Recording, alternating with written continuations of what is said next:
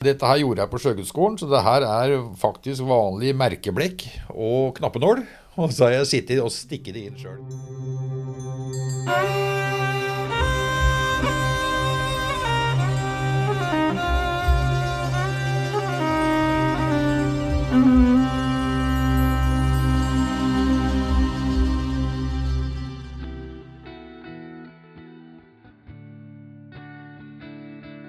Så langt i denne podkasten har vi lært om tatoveringenes rolle i samfunnet. Vi har tidligere hørt om hvordan tatoveringer har utviklet seg fra steinalderen fram til i dag. Om hvordan tatoveringer veksler mellom å være symboler hos eliten til en uttrykksform blant hvermannsen. Om du trenger en liten oppfriskning av hva de forskjellige tatoveringene betydde Den første tatoveringen sjøfolk flest tok, var et lite anker på hånda. På denne måten kunne man ha på seg ullgenseren og samtidig vise frem ankeret som fortalte omverdenen at man var sjømann. Husk at de aller fleste som dro til sjøs i seilskutetida, startet i de nordligste områdene og var ute i all slags vær, slik sjøfolk fortsatt gjør den dag i dag. Når man bevegde seg lenger sør, så man mer hud, og dermed også andre typer tatoveringer. Det var ikke lenger kun ankeret på hånden. De fleste av oss har hørt om sjømennene som hadde en kvinne i hver havn, og følgelig tatoverte navn. Motivene sjøfolk tok, var stort sett det samme. Skuter, ankre, fugler som er assosiert med land, og Sailors Grave, som var en talisman for å beskytte mot forlis. Om man reiste helt til Asia, så ble opplevelsene større, og tatoveringskunsten var på et helt annet nivå enn hva man hadde tilgang til nordover. Fra Japan kommer det også et typisk motiv blant norske sjøfolk, men som har en helt annen betydning i Japan. I Japan så er krabben et symbol på å ta til seg rikdom. Men når tatovørene skulle formidle dette til sjøfolkene, så ble språkbarrieren et problem. De norske sjøfolkene har derfor gitt motivet sin egen mening. Å tatovere en krabbe betydde at man skulle kunne krabbe tilbake til land om man falt over bord. Tatoveringene fra før andre verdenskrig har også andre betydninger enn hva de hadde i etterkrigstiden. Før krigen var tatoveringene en del av hierarkiet på sjøen, mens de i etterkrigstiden allerede var blitt romantisert. Med romantisert så mener vi at tatoveringene hadde fått noe nostalgisk over seg. Før skulle det vise hierarkiet, hva man jobbet med og slik, men nå ble det mer et symbol på at man var sjømann. Denne romantiseringen kan man se allerede etter seilskutetiden. Arild Flatebø, tusen takk for at jeg fikk lov å komme og prate med deg. Jeg har jo vært og prata med litt tidligere sjøfolk. De var jo ute og tok, kom hjem da, etter de var ute til sjøs, og kom hjem med sånne klassiske sjømannstatoveringer. Og så har jeg hørt at det er jo litt, har fått litt vind i seilene igjen i dag. Hvordan opplever du det der? Kommer det en del folk hit som, som er inspirert av de gamle sjømannstatoveringene? Det er det, og det har det tatt mer og mer av. Det har jo vært der kanskje hele tiden. Det er jo old school det heter, de klassiske. Ja. Og um, på conventioner og sånn òg, så er det alltid en egen, si en egen kategori, da, konkurranse i, i old school. Ja. Så det, det, er populært. Det har vært uh, ligget litt rolig enn si, tidligere, men det har tatt mer og mer av. Hva slags uh, motiv er det du forbinder, som, er, eller som går oftest igjen i den old school-stilen nå? Altså det, det, som er klassiske motivet som aldri kommer til å gå ut, det er jo rosen, da. Ja. Det er jo den er der. Men sånn, når man tenker sjømannstatoveringer eller old school, Mm. tradisjonelle tatoveringer, så er det, det er veldig mye. Mm. Det, er mye det er mye tøft, da. Det man, det man ser på, på eldre sjøfolk og sånn, de, så er ofte tatoveringene flyttet litt ut og Ja. blasse og sånn. Mm. Vi brukte jo Før i tiden så brukte man blekk til tatovering. I dag Mm. så er det jo en helt annen kvalitet på farger og pigmenter og sånn. Ja. Så, men eh, det, det er veldig fint og estetisk, da. Mm. Også det at det er si, store kontraster og sterke farger og markerte outline og sånn, så blir det Det ser, det ser prent ut, og det Ja. holder seg. Det er sånn som de er veldig synlige. Ja. Er det noen spesielle farger som går igjen på de eh, tatoveringene der, eller? Ja, det er jo liksom de tradisjonelle fargene. Det er veldig masse hva skal jeg si, regler for nesten hvordan det skal lages. da. Mm. Det, mest, det går mest i sort-hvitt. Sort og skygge. Mm. Og når man skal lage ordentlig tradisjonell uh, old school, så bruker man, bruker man, ikke highlight. Og man gjør jo det også i moderne tid, men sånn, hvis man skal uh, på, på, en convention og stille ut tatoveringen, så er det mye, mye, ting man skal tenke på sånn, mm. og unngå. da. Mm.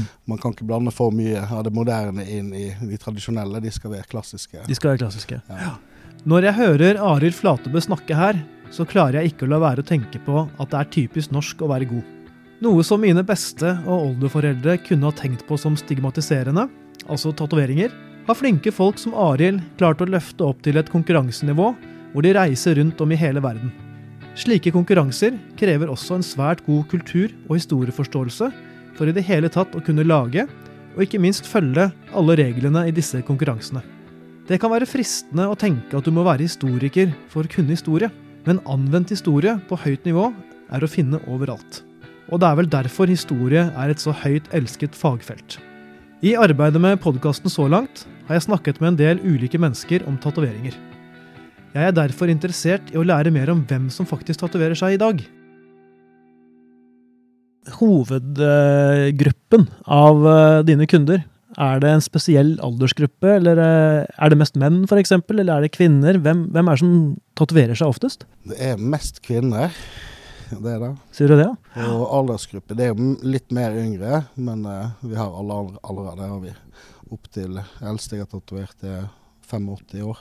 Så, 85, ja. ja. ja. Så um, det er ingen alder Altså, vi har jo aldersgrense nedover, men ja. uh, det, er, det er blitt akseptert. og det er veldig mange som har hatt en drøm ikke sant? og har hatt lyst på det, men det har vært litt tabu og, og sånn opp gjennom tidene. Men, uh, men de tinga er mer eller mindre helt borte i dag. Men er det noe forskjell på motivet som menn og kvinner velger? Det er det ofte, ja. ja. Hva er det som på en måte er uh, typisk for uh, kvinner, liksom? Og hva, hva, er forskjellen på det er liksom, Der er det liksom bølger også, sant? litt sånn moteting mm. fra år til år. og uh, Jenter tar ofte små, små ting, men mm. også mye store. da. Det, det, er noe som Man tar liksom det som ligger hjertet nærmest. Ja. Men det er litt sånn motebølger som er ja, fra år til år og litt sånn. Så. Mm. Jeg husker jo den derre piggtråden til Pamela Andersen på, mm. på 90-tallet. Den var det vel en del som uh, ville ha. Det var det. Ja. Det Arild sier om at det hos han er flest kvinner som tar tatovering, er en trend forskningen støtter. En undersøkelse gjort ved Universitetet i Bergen, som ble publisert i 2017, viser nemlig at kvinner har større sannsynlighet for å tatovere seg enn menn. I undersøkelsen kommer det også frem at én av fem nordmenn har minst én tatovering. Om lag 13% av befolkningen har minst én lett synlig tatovering, slik som å venn med fødselsdatoen sin på hånda. Noe som kommer frem både i våre intervjuer og i forskningsartikkelen fra Universitetet i Bergen, er at tatoveringer er populært uavhengig av sosial og økonomisk bakgrunn. Med det tenker jeg at du f.eks. ikke lenger mister jobbmuligheter av å ha tatoveringer, noe man tidligere har hatt noen fordommer mot. Artikkelen peker også på at de som tatoverer seg, oftere er utadvendte enn innadvendte. Og det er kanskje en fordel, spesielt hvis du har en synlig tatovering, for det kan være en samtalestarter. Og med det sagt kan vi gå tilbake til der det hele startet. På en hvalbåt med en kopp kaffe sammen med noen erfarne sjøfolk.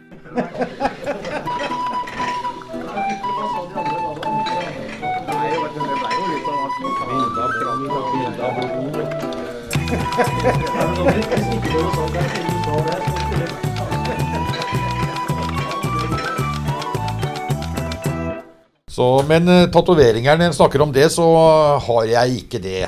Jeg var på uh, Sjøgudsskolen, og da skulle vi jo forsøke å bli litt sjøfolk. da. Mm. Og da tatoverte jeg disse tre prikkene jeg har her på handa her. Ja, for du sa du har ikke tatovering, men det er vel en slags ja, type Det er jo det, da. Men det, var, det, var, det, er det nærmeste jeg har av tatovering. Det er disse tre prikkene som uh, noen kaller bomsemerke, og andre ja. kaller tro, håp og kjærlighet. Ja. Det var det jeg skulle si. Bomsemerke. Men jeg har alltid hørt at så lenge den ene prikken er opp, så er det tro, håp og kjærlighet. Ok. Og dere som ikke ser det, men hører på, så er det altså da mellom uh, tommel og pekefinger. Ja, ja. Der er den. Men det er jo et ganske vanlig, klassisk uh, tegn på sjøfolk. Det er mange som har den, er det ikke det? Jo, det er veldig mange som har den. Mm. Det er det. Var du sånn tatovør og gjorde det, eller? Hvordan, Nei, eller dette, her er, dette, her gjorde jeg på Sjøgudsskolen, så det her er faktisk vanlig merkeblekk og knappenål. Og så har jeg sittet og stikket det inn sjøl. Og du har det, ja? Ja, ja, ja. Mm. Det. Så det var det nærmeste jeg kom tatovering. Ja. Så er det litt, så er det litt annen historie også. da. Det er mange som tatoverer seg, og så, og så kjører de navnet til ei dame under, så dere, og så kommer hjem, og så blir de gift med ei anna, så flyr rundt med navnet til ei som Det er også eh, klassisk eh, jeg har hørt og sett. Ja, så det er mange eh, varianter der. Og det var jo mange varianter av tatoveringer. Folk hadde jo slanger, og det var jo nakne jenter og, og, og, og båter og ikke sant. Det var, ja, bilder ja, ja, ja, ja. Det var, mye, var mange forskjellige, husker jeg. Ja, så det er jo hvis en går rundt og Ørn, husker jeg. En som hadde, han, han, han som jeg var sammen med, han tror jeg har tatovert en svær ørn oppe på en av armen. Ja, ikke sant? Ja da, Så det var mange varianter. Ja.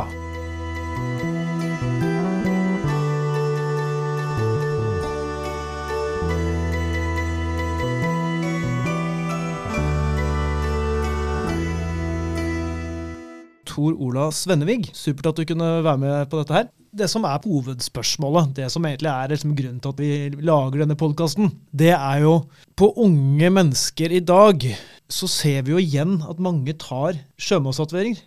Hva er det, tror du, med sjømannstatoveringene som har en så appell til de som vokser opp i dag? Det er vel kanskje litt av den faktoren som jeg snakker om, da.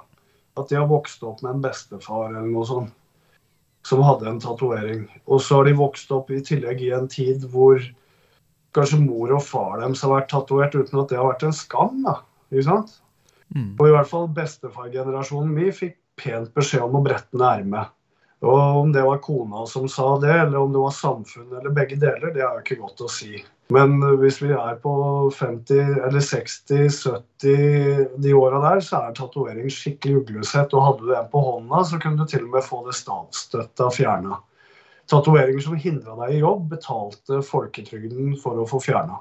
Så, men jeg tror det er det. Altså, det er en hyllest til de eldre generasjonene. Men så kan du òg si at det følger jo parallelt med hele den derre hipstergenerasjonens tilbakeblikk. da.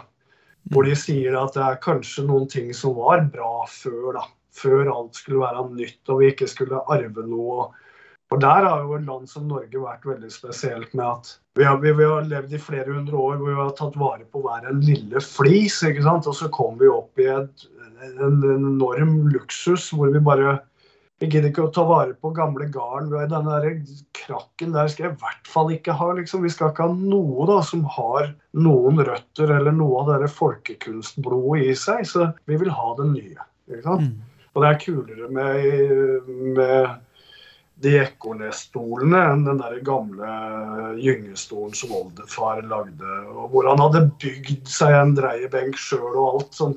Og det er jo klart, det fascinerer jo de yngre da. Og da kan man kanskje si at jeg har vært prematur der, da. Jeg er definitivt et sånn et menneske som alltid har gått tilbake til. Alltid har sett bakafor. Alltid vært opptatt av oldefar min og tippoldefar min som var på sjøen, og som var tømmermenn. og ikke sant? Alt det der håndverksmessige. alle Det er jo det jeg føler bruser i meg. Og så var det mye vanskeligere da, å skulle svare for å føre videre arven til far min, som var det der akademiske. og hvor alt, alt i mitt blod er bare hender og lage og dra det repet og få det tømmeret på plass. ikke sant? Så jeg tror det kanskje er ganske mange som har det sånn. Ja. Hvor det har vært vanskeligere å finne nåtidsidentiteten, så kan man heller koble seg på noe som har vært. Mm. Eller kanskje ikke Ganske mange syns vel kanskje ikke at uh, foreldregenerasjonen har vært så imponerende heller, da. Det er jo Mange som er unge nå, har jo en foreldregenerasjon som aldri ble ferdig med hettejakka og visste aldri hvordan de skulle brette klærne. Så du ser jo i mye at det har kommet en generasjon som er jævlig på stell, og som har eldre idealer. Ja. Jeg tror, jeg tror det har noe sammenheng med det. Og så er det jo en trend, da. Ja. Det her kommer jo som en sånn dra Altså den, den store trenden med old school er jo på en måte over. da. Det er jo mange år nå siden eh, de store designerne brukte det her på klær på catwalken osv. Så, videre. så det er jo også en eh, vedklang av det. da. Ser vi noe nok, så tenker vi at det er kult. og Hvis jeg ser bilde av en på Instagram som har sånne tatoveringer og han ser kul ut, så gjør jeg jo sånn uten å tenke over hva de motivene er engang. Mm. Det er uhorvelig mange tatovører nå som ikke har peiling på hvor de der old school-motivene kommer fra. Ja. Men, men sånn er det jo med Kall det folkekunst, da, for det er jo masse folkekunst i det. Det er jo, det er jo klart at hun derre som satt og malte boller opp i Telemark, hun visste jo ikke heller røttene fra de akantustingene hun malte. Hun skjønte ikke nødvendigvis at det var barokkunst fra Italia. Sant? Hun lagde jo folkesjela. Mm. Vi, vi har det vel i oss, da. Å ta det opp igjen og ta det opp igjen. Så du kan jo like godt si hvorfor er old school så kult? Jo, men hvorfor har japansk tatoveringskunst hatt en sånn renessanse som det har? Fordi det har vært nesten enda større. Eller du kan si at ja, men black and grey-stilen med portretter og sånn, det må jo være helt nytt. Nei, nei, nei. Det gjorde Sunderland MacDonald med klasse i 1898. Sant? Så det, Mm. det er ikke noe som er nytt her, da. Det er in ingenting nytt. Det eneste som er nytt, er at folk har glemt at tatoveringer endrer seg så mye over tid. Sånn at alle som får alt det nye, fete, kule tingene, det kommer også til å se ut som ei smørje i huden etter 50 år. Så, så vi er litt sånn amnesia-folk òg, da. Vi tror at det her, nå gjør vi det mye bedre enn de gjorde før. Og nå blir det, sitter det mye bedre. Så hud er hud, og tatto er tatto. Det er så forgjengelig, og derfor så repeterer vi det sikkert.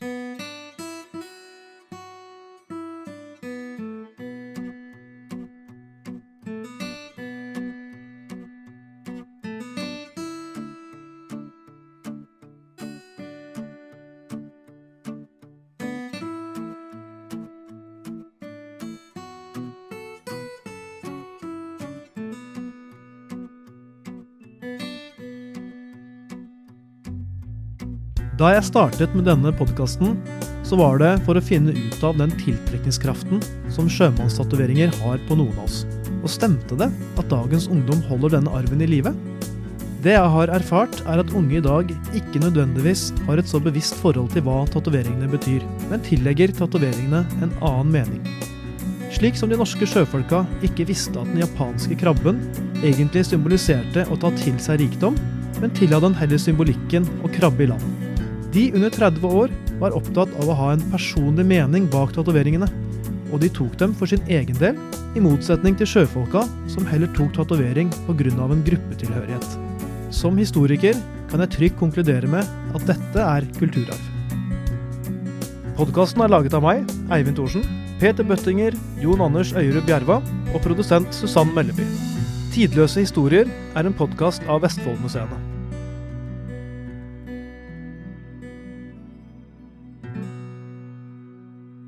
Men eh, jeg husker jeg kom hjem, da, så Jeg var jo litt stolt av det, selvfølgelig. Ja. For det var jo litt sånn eh, Og mora mi Nei, det der, det der syns hun ikke noe om. Nei og nei og nei. Har du gjort Ja, men så er jeg jo sjømann.